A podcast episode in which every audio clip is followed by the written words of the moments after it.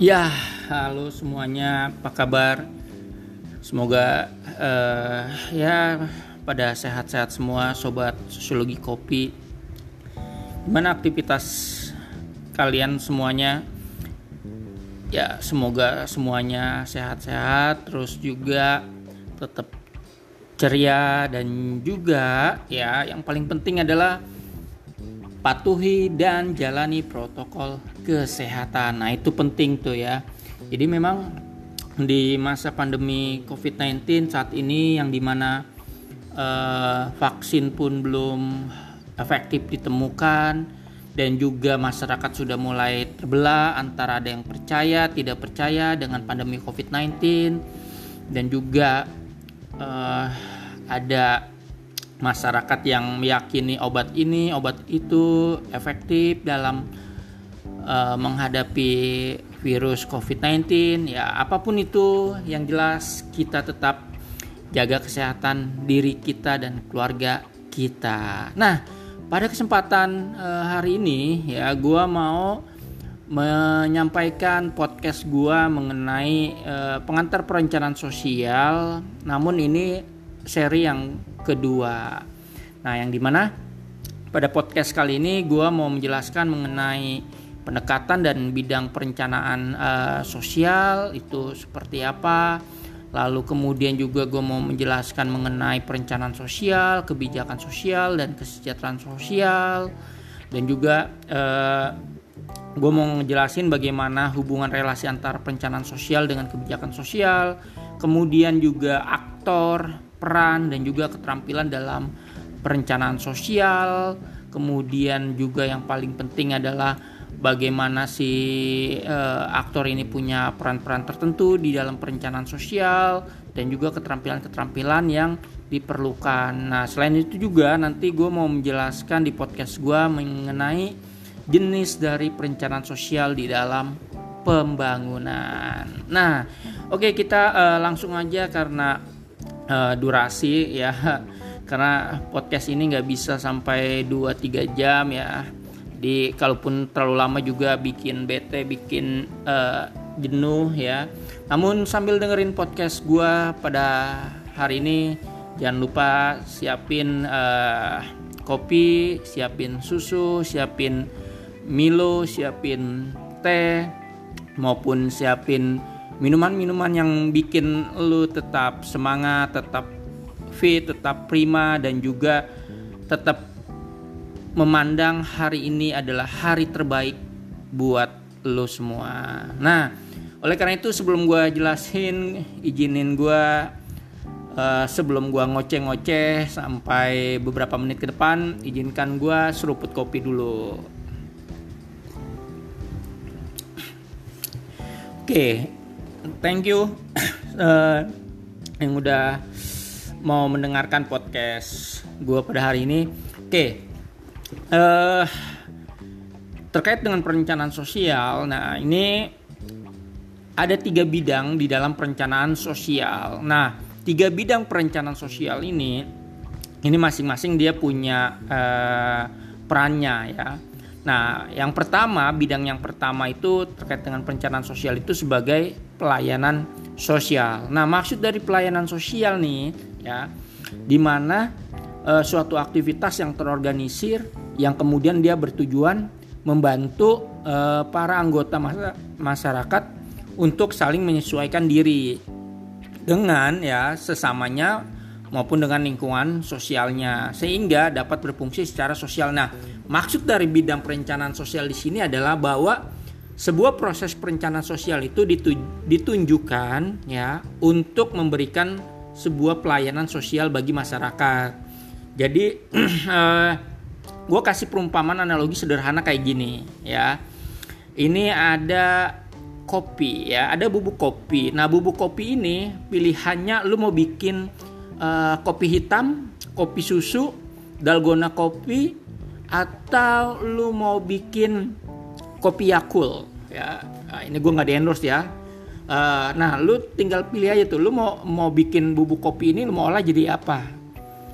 Dan tentunya ya cara mengolah kopi ini ditentukan berdasarkan keinginan lu dan juga tujuan lu buat ini uh, minuman. Nah, sama halnya dengan uh, bidang perencanaan sosial ini. Jadi pada bidang yang pelayanan sosial, jadi perencanaan sosial ini ditunjukkan untuk kasih sebuah pelayanan kepada masyarakat yang di mana tujuannya supaya masyarakat berfungsi secara sosial. Nah, berfungsi secara sosial maksudnya adalah dia bisa menjalankan aktivitas bersosialisasinya, aktivitas kontak sosialnya, aktivitas interaksi sosialnya dan yang paling penting ya dia bisa memenuhi kebutuhan hidupnya yaitu dengan cara bekerja bagi eh, orang-orang uh, dewasa yang memang dia menjadi tulang punggung keluarganya.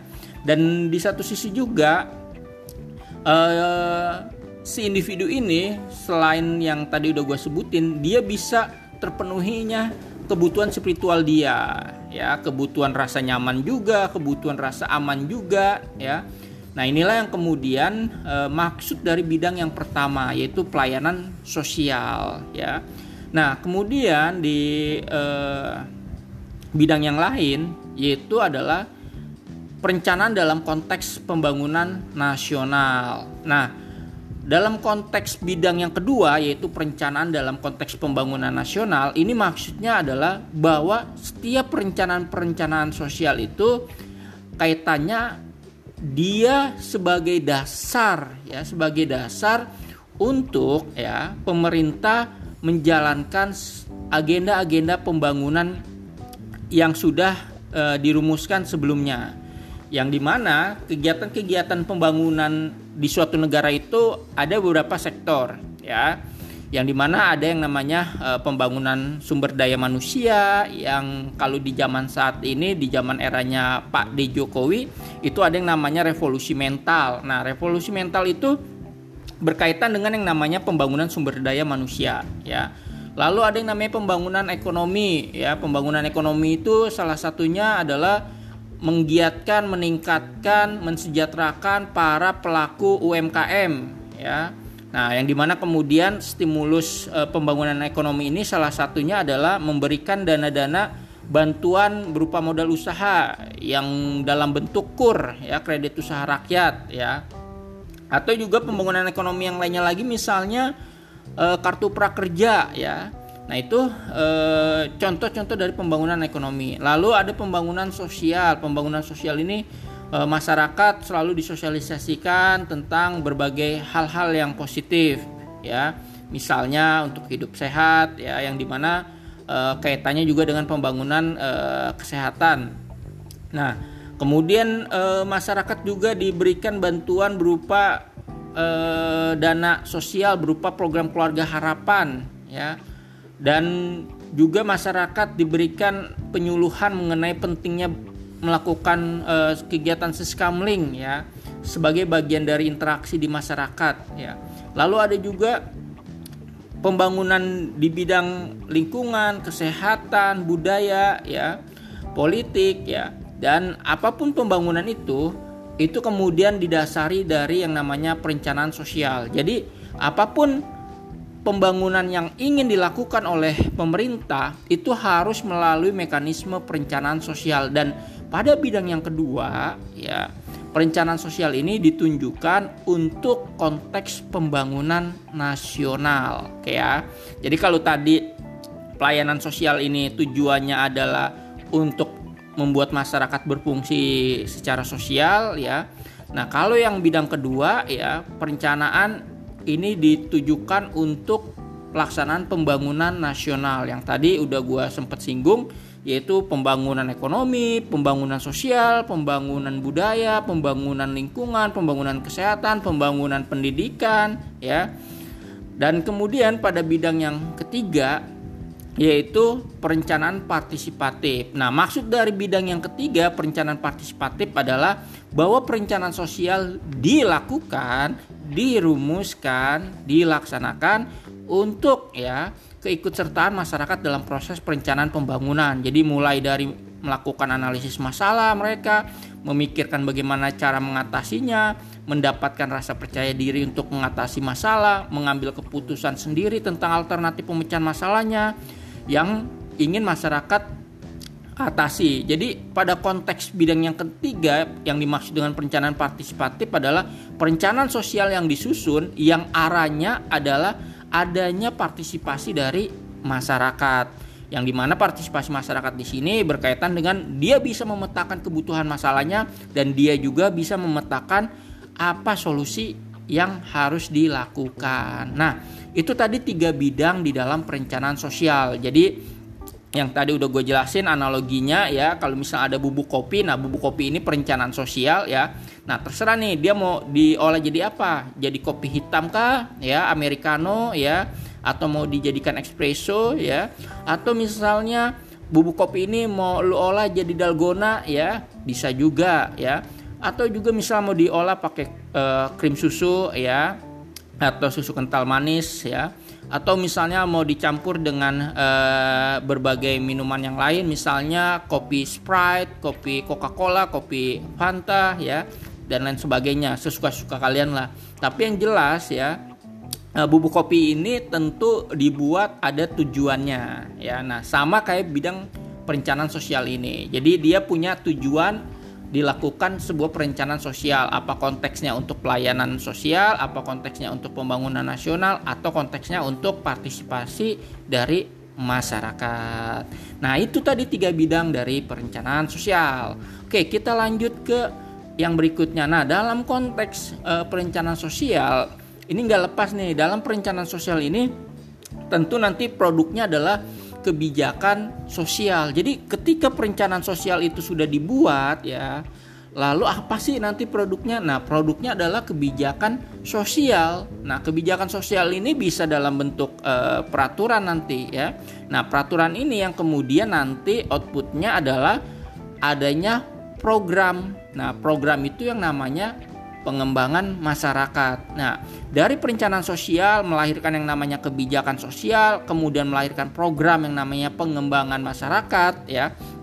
Ini tujuannya pada akhirnya adalah untuk kesejahteraan sosial masyarakat ya. Jadi, perencanaan sosial itu dilakukan hakikatnya untuk kesejahteraan sosial dari masyarakat. Nah, oleh karena itu terkait dengan perencanaan sosial ini ya setidaknya perencanaan sosial ini merupakan elemen uh, penting ya, elemen penting dalam pembangunan sosial. Jadi banyak yang sekarang percaya bahwa tujuan pembangunan sosial yaitu dapat direalisasikan melalui perencanaan yang sistematis. Jadi pembangunan pembangunan yang ada di suatu negara khususnya pembangunan sosial itu harus didasari melalui perencanaan uh, sosial yang sistematis. Jadi tanpa ada perencanaan sosial maka kebijakan sosialnya, kemudian program sosialnya pun nggak akan berjalan dengan efektif ya.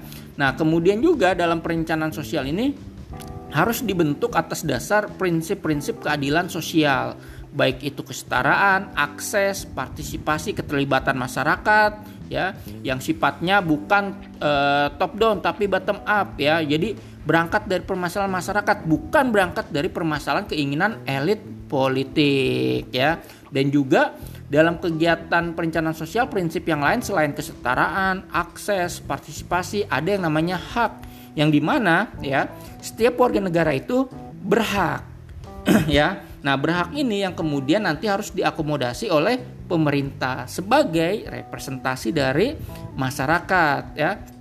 Dan selain itu juga ya perencanaan sosial yang dibentuk atas prinsip-prinsip yang tadi udah gue sebut sebutkan ya perencanaan sosial ini harus bertujuan untuk meningkatkan efektivitas dan kesejahteraan dari masyarakat. Jadi kalau perencanaan sosial itu nggak melahirkan efektivitas dan kesejahteraan masyarakat, maka itu bukan perencanaan sosial, ya. Itu namanya perencanaan menyengsarakan masyarakat, ya.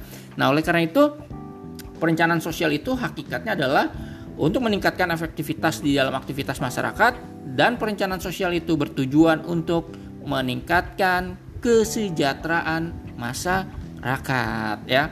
Jadi buat apa kalau misal bikin perencanaan sosial justru malah menyengsarakan masyarakat. Oke, berikutnya ya.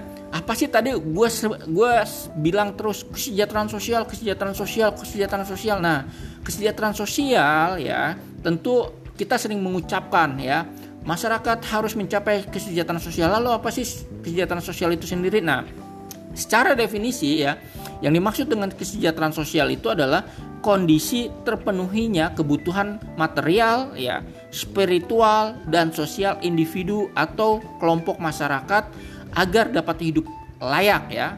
Garis bawahi hidup layak ya dan juga mampu mengembangkan diri. Nah, mengembangkan dirinya artinya setiap individu ya berdasarkan uh, human right berdasarkan hak asasi manusia ya setiap diri individu itu sebenarnya punya potensi. Namun dia kadang nggak punya akses untuk mengembangkan diri. Nah oleh karena itu yang dimaksud dengan kesejahteraan sosial adalah individu itu dapat hidup layak dan mampu mengembangkan dirinya sehingga dia dapat melaksanakan fungsi sosialnya. Nah fungsi sosialnya ya jelas. Dia sebagai uh, individu sosial, sebagai individu pendidikan, sebagai individu ekonomi ya dan juga dia sebagai individu yang membutuhkan kesehatan ya. Nah, itu semuanya harus bisa dia akses atau dia lakukan. Nah, itu yang kemudian artinya dia tercapai kesejahteraan sosialnya. Oke. Lalu ya, dalam konteks yang lain ya, perencanaan kadang tidak dipandang sebagai aktivitas yang terpisah dari kebijakan. Jadi yang namanya perencanaan sosial ini tentu berkaitan dengan aktivitas eh, kebijakan. Nah, kebijakan sosial, kebijakan publik. Jadi setiap perencanaan sosial itu akan melahirkan kebijakan sosial atau publik tertentu atau merevisi kebijakan publik atau kebijakan sosial tertentu ya sehingga dengan kata lain, yang namanya perencanaan sosial itu harus mampu mengintervensi yang namanya kebijakan sosial atau kebijakan publik. Baik itu kebijakan yang baru atau kebijakan yang direvisi dalam rangka untuk meningkatkan efektivitas dan kesejahteraan sosial masyarakat. Nah, dalam konteks yang lain ya, kebijakan sosial ini perlu ya perencanaan yang multidimensi. Nah, multidimensi di sini maksudnya tidak hanya perencanaan di bidang sosial atau perencanaan sosial, tetapi juga uh, perencanaan uh, di bidang yang lain ya, perencanaan di bidang uh, ekonomi, politik, budaya ya.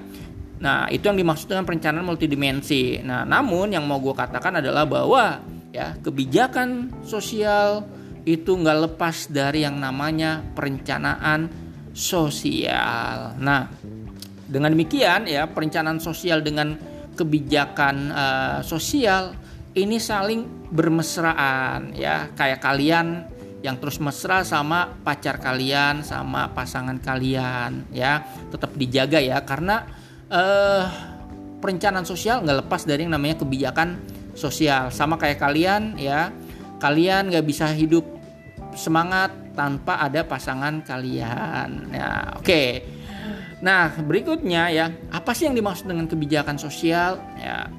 Nah, kebijakan sosial itu merupakan bentuk dari kebijakan publik atau pemerintah. Nah, kebijakan sosial ini e, berangkat dari adanya masalah sosial dan kemudian dibuatlah suatu kebijakan yang dapat mengatasi masalah tersebut ya, seperti e, perlu adanya perlindungan sosial, perlu adanya jaminan sosial, perlu adanya pelayanan sosial. Ya, jadi kebijakan sosial itu berangkat dari adanya masalah-masalah yang ada di masyarakat yang kemudian disusun melalui perencanaan sosial yang kemudian diatasi melalui berbagai macam program-program baik itu program perlindungan sosial, program jaminan sosial, misal jaminan sosial itu seperti BLT ya. Kemudian ada pelayanan sosial. Pelayanan sosial itu misalnya kalau uh, di rumah kalian kalian pernah lihat ada yang namanya posyandu imunisasi. Nah, itu bentuk dari pelayanan sosial ya. Nah, itu merupakan program-program dari kebijakan sosial yang berangkat dari adanya masalah di masyarakat yang kemudian dirumuskan terlebih dahulu melalui perencanaan sosial. Nah, selain itu juga kebijakan sosial ini menunjuk pada apa yang dilakukan oleh pemerintah sebagai upaya untuk meningkatkan kualitas hidup manusia melalui pemberian beragam tunjangan pendapatan, pelayanan kemasyarakatan, dan juga program-program tunjangan sosial lainnya. Jadi, yang namanya kebijakan sosial hanya bisa dilahirkan atau dibuat oleh pemerintah. Nggak bisa kebijakan sosial itu dibuat oleh yang namanya lembaga swadaya masyarakat LSM. Nggak bisa dibuat oleh yang namanya ormas. Nggak bisa dibuat oleh yang namanya uh, mahasiswa. Nggak bisa dibuat oleh yang namanya ketua BEM, nggak bisa dibuat oleh yang namanya OSIS, nggak bisa dibuat oleh yang namanya Ibu PKK, nggak bisa dibuat oleh yang namanya eh, pihak-pihak organisasi swasta ya. Jadi kebijakan sosial itu hak penuh dari pemerintah. Jadi yang bisa dilakukan oleh masyarakat sipil adalah melakukan kritik ya, melakukan eh, hal-hal yang sifatnya kurang tepat di masyarakat kemudian disampaikan aspirasi itu kepada pemerintah sebagai bahan dari evaluasi kebijakan sosial yang nanti itu juga jadi bahan uh, evaluasi di dalam perencanaan sosial yang kemudian nanti akan diperbaiki atau direvisi program-program itu maupun kebijakan sosial itu ya. Jadi buat kalian yang masih berjiwa muda, yang masih mahasiswa, kalau misalnya ada program-program yang menurut kalian kurang tepat ya, sampaikan aspirasi itu ke kanal-kanal yang benar dan tentunya yang bertanggung jawab ya. Nah, kemudian ya kebijakan sosial ini diwujudkan dalam tiga kategori ya. Yang tadi udah gue bilang bahwa kebijakan sosial itu hanya milik pemerintah. Dia yang berhak mengeluarkan kebijakan sosial ya. Jadi eh, lembaga swadaya masyarakat ataupun masyarakat sipil secara umum nggak nggak bisa ya. Dia hanya bisa memberikan masukan atau kritik ya kepada pemerintah. Nah, kebijakan sosial ini diwujudkan dalam tiga kategori. Yang pertama adalah perundang-undangan ya. Kemudian program pelayanan sosial dan sistem perpajakan ya. Jadi eh, kebijakan sosial ini produknya adalah e, melahirkan perundang-undangan, program pelayanan sosial dan sistem perpajakan ya. Nah, itu e, sekilas terkait dengan yang namanya kebijakan sosial ya. Dan kemudian ya, yang namanya perencanaan sosial karena e, dia bagian yang sangat melekat dengan kebijakan sosial, maka yang namanya perencanaan sosial ini sebagai suatu proses kegiatan dalam perumusan kebijakan. Jadi yang tadi udah gue sampaikan juga gak bisa melepaskan perencanaan sosial sebelum merumuskan kebijakan sosial. Lalu kadang ada yang kita lihat nih ya, sebuah kebijakan sosial ternyata di masyarakat itu kurang tepat, bahkan menghasilkan yang namanya kontroversi ya. Justru yang tadinya tujuan dari kebijakan sosial itu adalah meningkatkan kesejahteraan sosial di masyarakat, justru yang ada adalah makin memperuncing makin meningkatkan yang namanya kerentanan sosial masyarakat ya meningkatnya kemiskinan meningkatnya konflik-konflik sosial nah artinya kalau misalnya ada program ya artinya kalau ada produk-produk dari kebijakan sosial yang yang tadi udah gue bilang yang eh, justru malah bikin masyarakat jadi sengsara artinya yang perlu dipertanyakan adalah bagaimana perencanaan sosialnya Nah, atau bisa bisa atau bisa juga kebijakan sosial ini dibuat tanpa adanya perencanaan sosial. Ya. Nah, oleh karena itu penting sekali ya kita masyarakat ketika menganggap bahwa ada satu program eh, yang digulirkan dari kebijakan sosial ya atau misal perundang-undangan kita bisa tanya tuh ya bagaimana proses perencanaan sosialnya ya.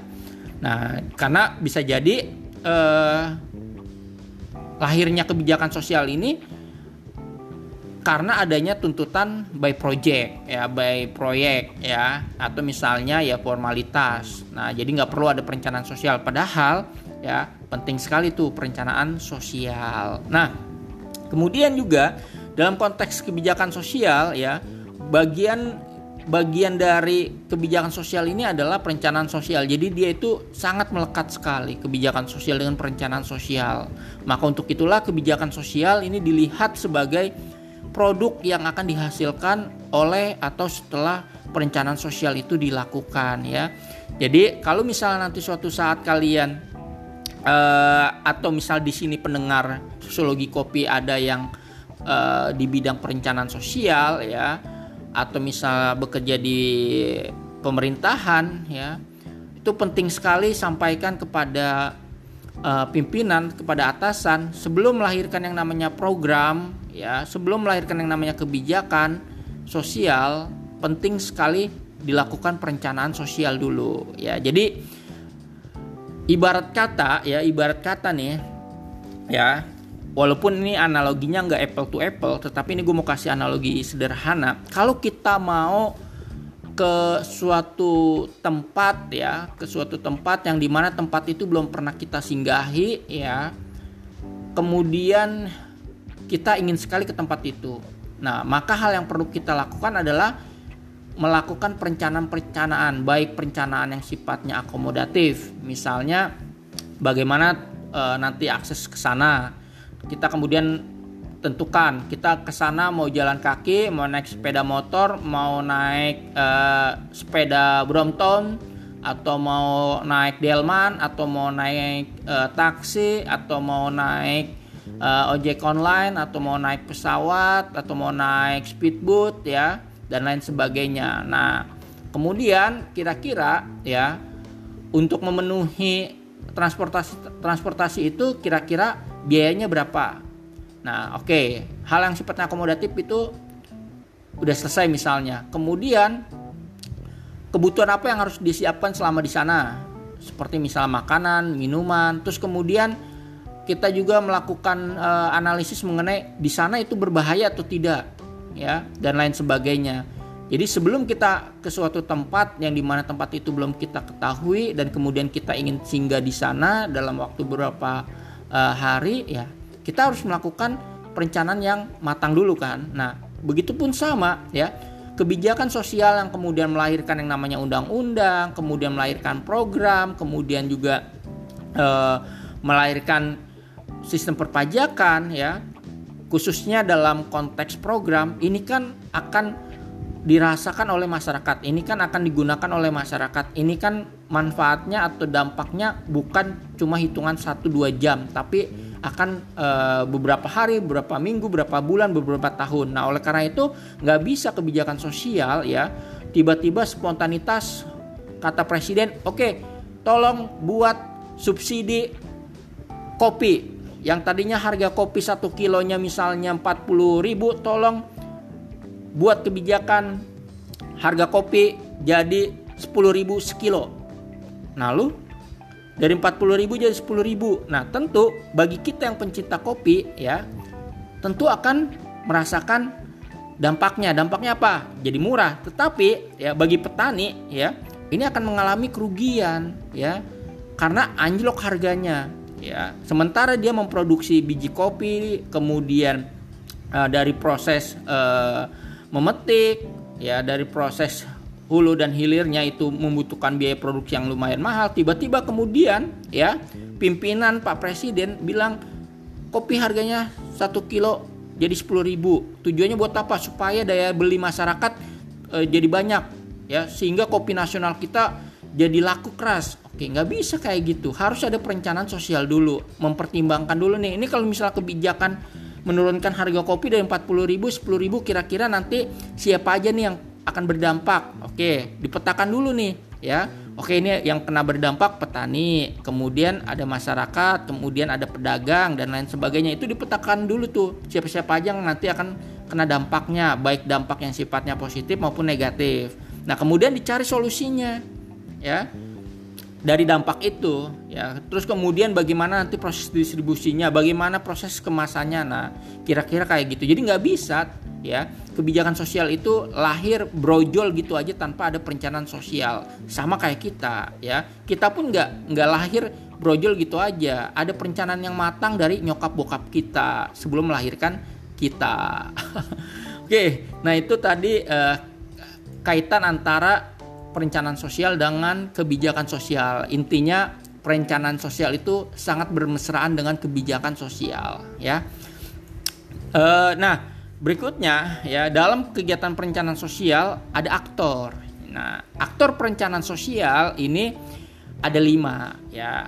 Yang tadi sebelumnya sempat gue singgung bahwa yang namanya perencanaan sosial itu adalah milik pemerintah yang dia kemudian melahirkan kebijakan sosial. Oleh karena itulah kemudian di dalam aktor perencanaan sosial ini ada yang namanya aktor perencanaan eksternal sama internal. Nah, kalau yang internal ya ini ada yang namanya kementerian fungsional. Kementerian fungsional ini maksudnya kementerian-kementerian yang terkait, yang dia kemudian nanti akan melahirkan uh, kegiatan perencanaan sosial dan kebijakan sosialnya sesuai dengan identitas kementeriannya. Misalnya kalau Kementerian Sosial ya dia akan melakukan perencanaan sosial dan kemudian melahirkan kebijakan sosial di bidang uh, sosial ya. Terus kemudian Kementerian Perikanan ya dia akan di bidang perikanan.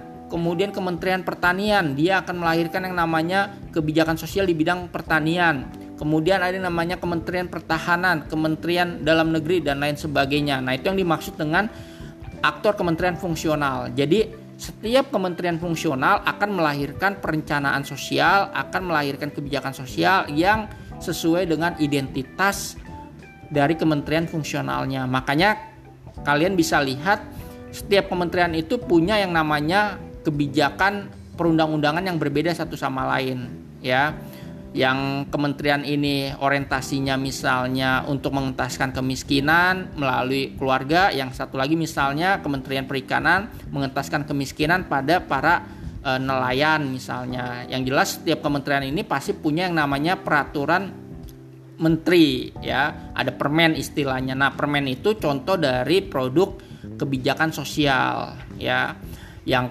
tentunya melalui kegiatan perencanaan sosial. Nah, itu tadi aktor yang pertama kementerian fungsional yang internal. Nah, aktor yang kedua yang internal yaitu adalah Badan Perencanaan Nasional. Nah, Badan Perencanaan Nasional ini atau Bappenas ya.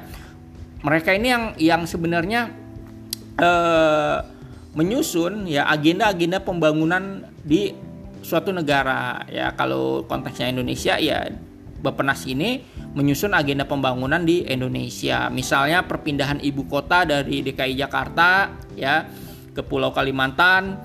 Nah, ini yang menyusun adalah Badan Perencanaan Nasional. Dan tentu Badan Perencanaan Nasional ini dalam melakukan kajian-kajian e, pembangunan yang mau dilakukan, ya dia melakukan yang namanya perencanaan sosial. Nah, selain Badan Perencanaan Nasional, kemudian kelompok e, e, bukan kelompok intern aktor perencana sosial internal yang berikutnya yang ketiga adalah pemerintah daerah. Nah, pemerintah daerah kalau tadi misalnya Badan Perencanaan Nasional itu konteksnya pusat ya. Nah, di daerah juga ada yang namanya Badan Perencanaan da Daerah namanya Bapeda ya. Yang kemudian nanti setiap uh, kegiatan kegiatan itu dilakukan melalui apa musrembang ya, musyawarah bersama ya di dalam pengembangan uh, wilayahnya. Nah, kalau misalnya di level kementerian fungsional tadi levelnya pusat, nah di pemerintahan daerah ada yang namanya dinas. Makanya ada dinas pendidikan, dinas lingkungan, ya. Kemudian ada dinas eh, kesehatan, ya, dan lain sebagainya. Jadi itu tadi tiga aktor perencana sosial yang sifatnya internal dari pemerintah ya itu ada kementerian fungsional ada badan perencanaan nasional ada pemerintah daerah lalu ya aktor perencana sosial yang ke, yang sifatnya eksternal itu ada dua. Yang pertama itu adalah kelompok masyarakat ya. Kemudian ada yang namanya organisasi non pemerintah atau LSM atau NGO. Nah, kelompok masyarakat ini bisa ormas, oh ya, bisa juga uh, kelompok-kelompok masyarakat yang berbasis etnis, berbasis profesi ya dan lain sebagainya ya. Dua kelompok uh, eksternal ini ya dia sebagai aktor perencana sosial. Nah, tetapi fungsinya dia berbeda ya dengan yang tadi aktor internal. Kalau kelompok masyarakat dan NGO atau LSM ini ya dia hanya sebatas memberikan masukan kritik ya kepada aktor internal yang kemudian nanti aktor internal akan mengakomodasi ya segala saran dan kritik yang diberikan oleh kelompok masyarakat maupun organisasi non pemerintah. Ya, oleh karena itu yang tadi udah gue sampaikan penting sekali kegiatan-kegiatan mahasiswa menyampaikan aspirasi kepentingan dari masyarakat. Tujuannya supaya ketika ada kebijakan sosial yang memang merugikan kelompok masyarakat e, kalian, ya itu segera dievaluasi, segera diperbaiki. Nah itu e, penting sekali hadirnya kelompok masyarakat dan NGO. Ibarat kata dia sebagai e, pengingat nih ya, sebagai pengingat, sebagai yang uh, ngejewer pemerintah ya sebagai orang yang uh, memberikan hal-hal yang sifatnya masukan yang baik lah, yang positif lah ya. Nah, oleh karena itulah uh, aktor kelompok masyarakat dan organisasi non pemerintah ini sangat penting keberadaannya juga bagi pemerintah. Jadi salah juga kalau ada pemerintah eh, ada oknum ya ada oknum pemerintah yang menyatakan bahwa kerjaan masyarakat kerjaan LSM ini ngeritik-ngeritik terus ya. Tapi nggak bisa ngasih solusi. Nah kritik itu juga bagian dari hal yang positif ya. Artinya dia uh, sayang sama pemerintah ya. Karena memang hubungan dalam konteks relasi kenegaraan antara pemerintah dengan masyarakat ini sama-sama harus saling bekerja sama sebagai mitra. Nah, itulah kemudian kalau kata Jojo Rosso itu antara pemerintah dengan masyarakat itu terjalin yang namanya kontrak sosial ya. Nah, itu tadi aktor perencana sosial. Gue review singkat ya. Secara internal itu ada kementerian fungsional, ada badan perencanaan nasional, ada pemerintah daerah secara eksternal itu ada yang namanya kelompok masyarakat, ada yang namanya organisasi non pemerintah atau NGO atau LSM kalau di kita namanya ya. Nah, selain aktor-aktor dari perencanaan sosial, ada yang namanya peran utama perencana sosial. Apa sih peran utama perencana sosial? Oke. Nah, peran utama dari perencana e, sosial ya. Nah, ini setidaknya ada beberapa poin ya, ada enam poin. Nah, Poin yang pertama adalah peran utama perencana sosial ya. Ini perencana ya, bukan perencanaan sosial. Jadi maksudnya ini adalah orang yang terlibat di dalam perencanaan sosial ya. Jadi dia disebut dengan yang namanya perencana sosial. Nah, peran yang pertama seorang perencana sosial adalah mengembangkan perundang-undangan ya. Jadi undang-undang yang ada ini kemudian e, dikembangkan lebih baik lagi yang sifatnya adaptif dengan kebutuhan situasi perkembangan zaman. Makanya kemudian kalian sering dengar uh, ada yang namanya revisi undang-undang karena dianggap undang-undang itu sudah tidak relevan lagi yang kemudian direvisi. Nah, itu uh, poin yang pertama mengembangkan perundang-undangan atau misalnya buat undang-undang yang baru ya. Jadi misalnya ada kebutuhan masyarakat yang harus diakomodasi melalui regulasi hukum. Nah, dibuatlah undang-undang. Nah, salah satunya lahirnya undang-undang harus melalui kajian perencanaan sosial. Nah, poin yang kedua adalah mengembangkan dan mengevaluasi program-program sosial. Jadi dia mengembangkan atau mengevaluasi program-program sosial. Misalnya nih eh, program kartu prakerja, kartu eh, Indonesia Pintar. Nah, atau misalnya eh, kartu Jakarta Pintar nih kira-kira gimana nih? Apakah kemudian bermanfaat buat masyarakat menyelesaikan permasalahan yang ada di masyarakat? Oke, kalau misalnya ternyata menyelesaikan masalah di masyarakat, oke kita harus kembangkan nih agar supaya lebih baik lagi. Oke, Terus kemudian kalau ternyata enggak ya kita harus evaluasi nih. Gimana kira-kira supaya program ini tetap jalan tetapi juga kemudian efektif di lapangan dan juga berguna bagi masyarakat. Kemudian dievaluasi program-program tersebut. Nah itu kerjanya si perencana sosial ya. Tentunya melalui kegiatan-kegiatan e, penelitian terlebih dahulu memetakan masalah yang ada di masyarakat. Nah itu tadi e, poin yang kedua. Poin yang ketiga peran utama dari perencana sosial adalah menciptakan atau mendesain model-model pelayanan. Jadi ketika udah dia kembangkan, dia petakan masalah-masalah di program sosial, kemudian dia buat atau dia desain model-model pelayanannya seperti apa yang uh, efektif dan efisien ya kepada masyarakat ya. Jadi model-model pelayanannya ini ada banyak ada yang misalnya sifatnya itu uh, transfer. Misal kalau BLT itu ada yang ditransfer langsung ke rekening si masyarakat. Kemudian ada juga yang masyarakat harus ngambil di kantor pos ya. Ada juga sistem yang diantar langsung ke rumah masyarakat ya. Nah itu contoh dari model-model pelayanan ya sosial. Nah kemudian dari program-program itu kira-kira bagaimana nih ya eh, model-model pelayanannya? Nah itu kerjanya sih peran utama perencana sosial. Dia mendesain dan menciptakan model-model pelayanan yang efektif dan efisien. Oke.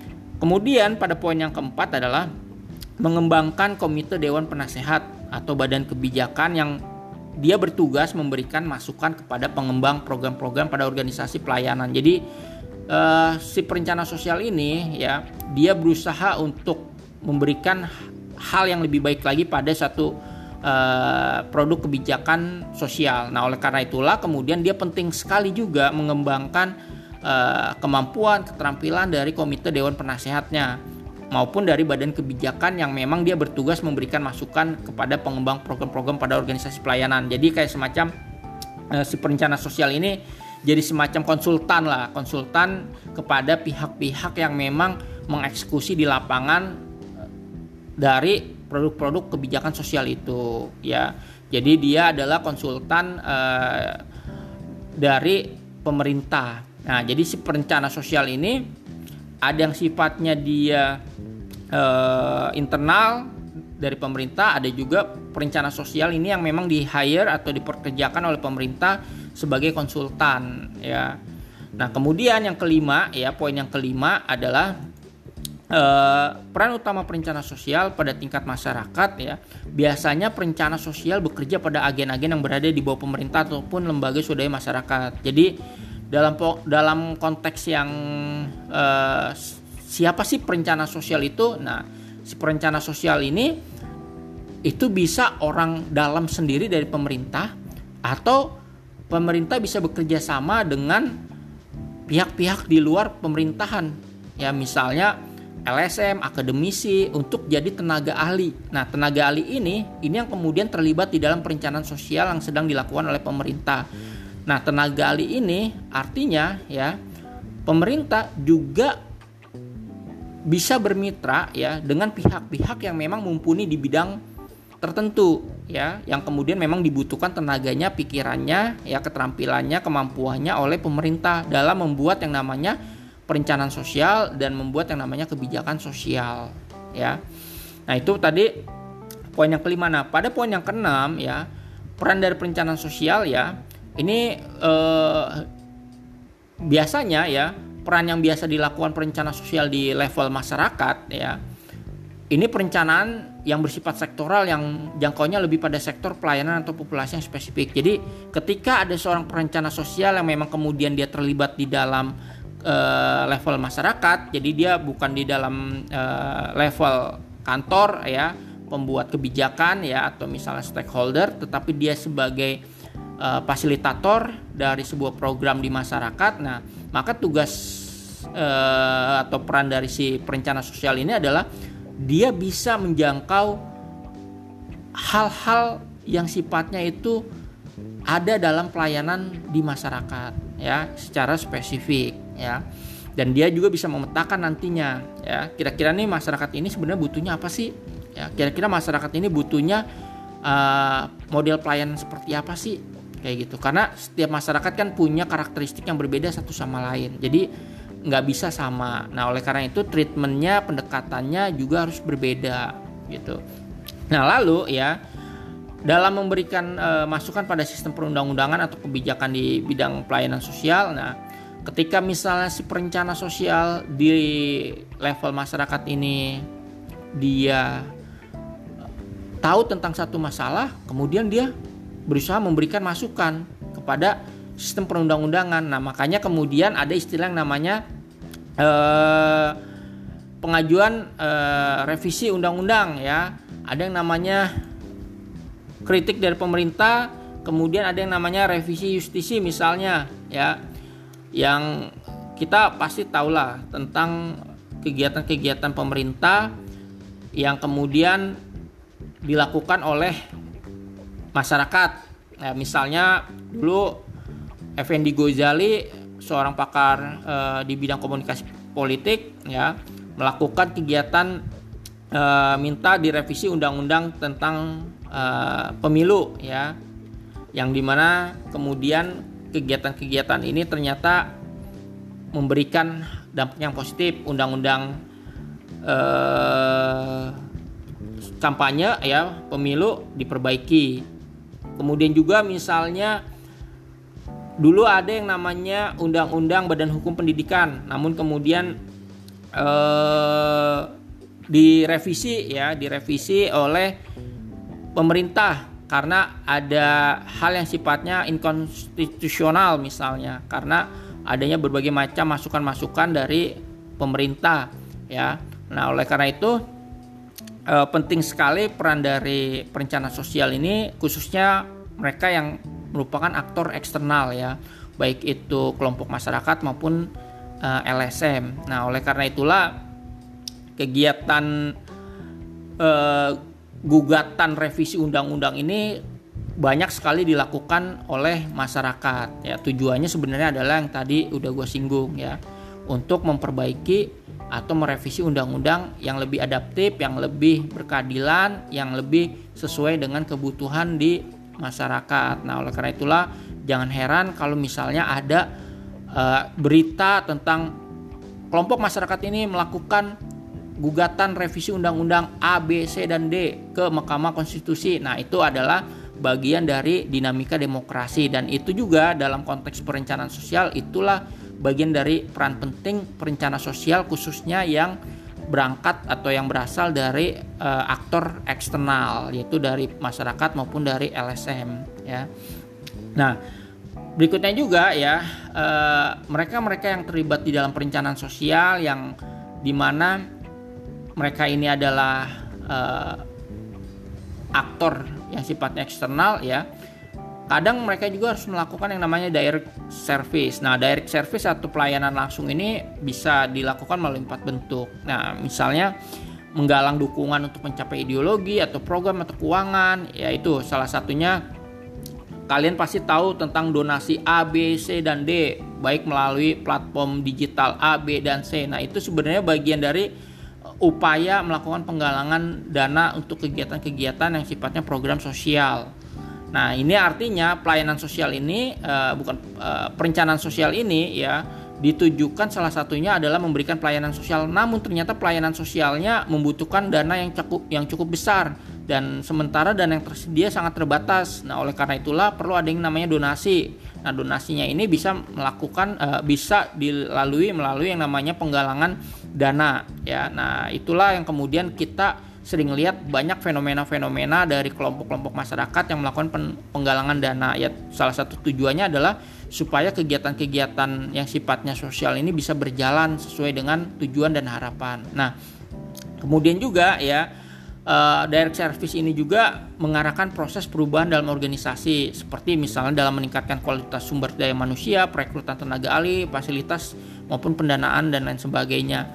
Nah, yang berikutnya kemudian menentukan wilayah pelayanan atau program dan yang keempat adalah merubah atau mengembangkan komunitas atau program sosial yang berada di luar wilayah pelayanan. Jadi dalam konteks uh, direct service ya yang namanya perencana sosial itu harus dia bisa menentukan wilayah pelayanan. Jadi jangan sampai dia nggak tahu nih wilayah pelayanannya apa saja.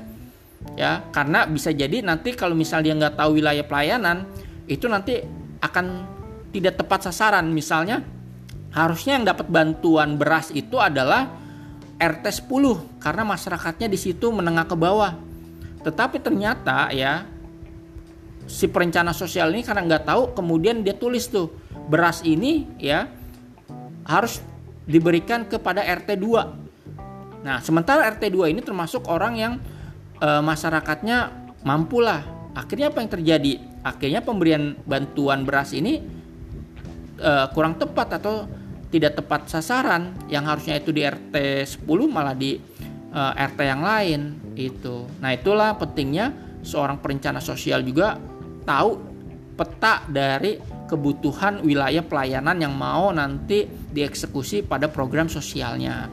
Nah, kemudian juga si perencana sosial ini harus mahir juga ya melakukan pengembangan-pengembangan komunitas masyarakat maupun pengembangan program sosial yang tepat guna dan juga tepat sasaran. Nah, itu tadi eh, peran dari eh, perencana sosial. Nah, berikutnya ya, keterampilan di dalam perencanaan sosial. Nah, keterampilan di dalam perencanaan eh, sosial ya, ini setidaknya ada ada tiga poin nih, ada tiga poin utama yang harus dimiliki oleh seorang perencana sosial. Oke, yang pertama adalah dia mampu melakukan riset atau penelitian ya dan analisis sosial secara partisipatoris. Maksudnya partisipatoris ini ya dia mampu melibatkan e, masyarakat di dalam memetakan permasalahan dan menyusun e, solusi-solusinya ya. Yang di mana kegiatan partisipatoris ini yang sensitif terhadap konteks sosial yang terjadi di masyarakat. Jadi ibarat kata sederhananya adalah si perencana ini harus peka ya harus peka dengan situasi kondisi dari masyarakat. Nah, itu tadi keterampilan yang pertama. Dia harus mampu melakukan riset, dia harus mampu melakukan analisis sosial secara partisipatoris. ya yang terjadi di masyarakat. Nah, yang kedua, keterampilan yang kedua adalah si perencana sosial ini harus mampu bekerja sama secara tim yang sifatnya multidisipliner keilmuan ya dalam mendesain dan mengimplementasikan kebijakan. Nah, jadi nggak bisa uh, si perencana ini punya ego sektoral, nggak bisa dia individualis ya. Dia harus bisa bekerja sama dengan timnya yang lain yang punya background latar belakang berbeda. Misalnya si perencana sosial si A backgroundnya adalah sosiolog ya. Si perencana yang kedua adalah ekonom. Si perencana yang ketiga adalah uh, backgroundnya adalah ilmu budaya.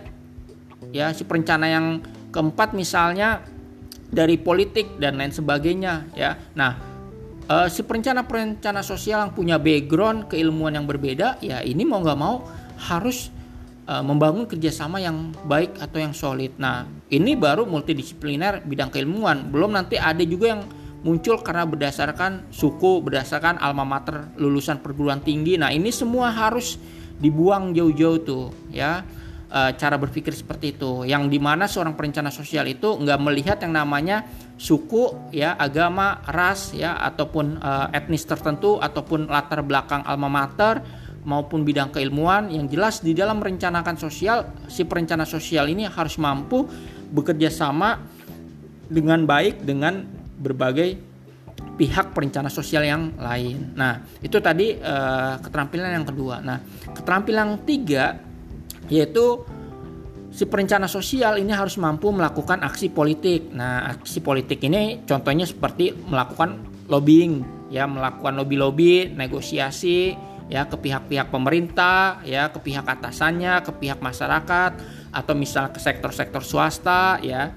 Nah, dan juga dia harus bisa memiliki kemampuan mengadvokasi. Ya mengadvokasi ini melindungi memberikan akses kepada masyarakat ya yang di mana kemampuan lobbying, kemampuan negosiasi, kemampuan advokasi ini sangat penting sekali dimiliki oleh si perencana sosial. Sehingga ketika dia merumuskan sebuah kebijakan sosial e, beserta dengan produk-produknya baik itu perundang-undangan maupun kemudian juga e, program maupun e, sistem perpajakan ya nah dia tahu ya hal apa yang nanti harus dilakukan oleh dirinya dan hal apa yang harus dia lakukan untuk juga nantinya eh, kebijakan sosial ini bertumpu pada kepentingan masyarakat ya.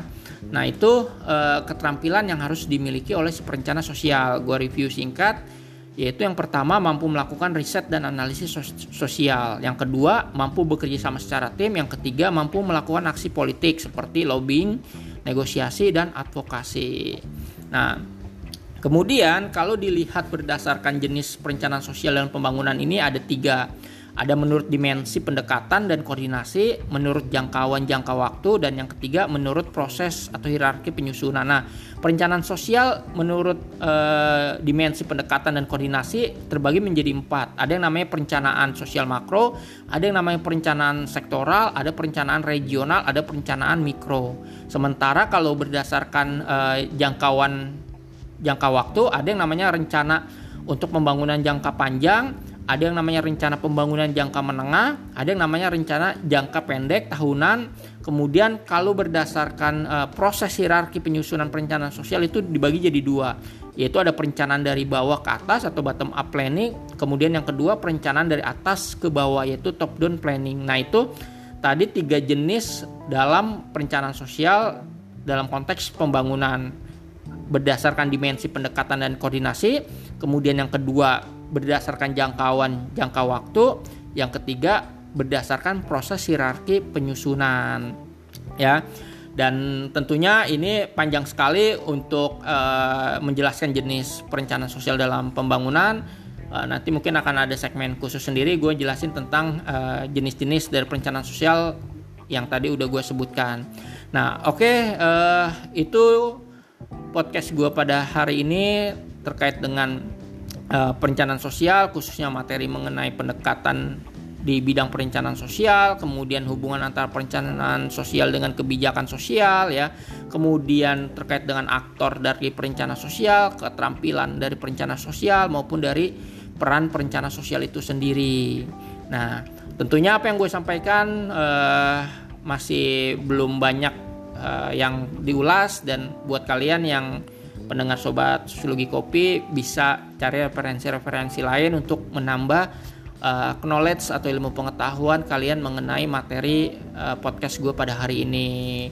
Oke sekian dari gue terima kasih buat kalian yang sudah mau mendengarkan podcast gue pada hari ini.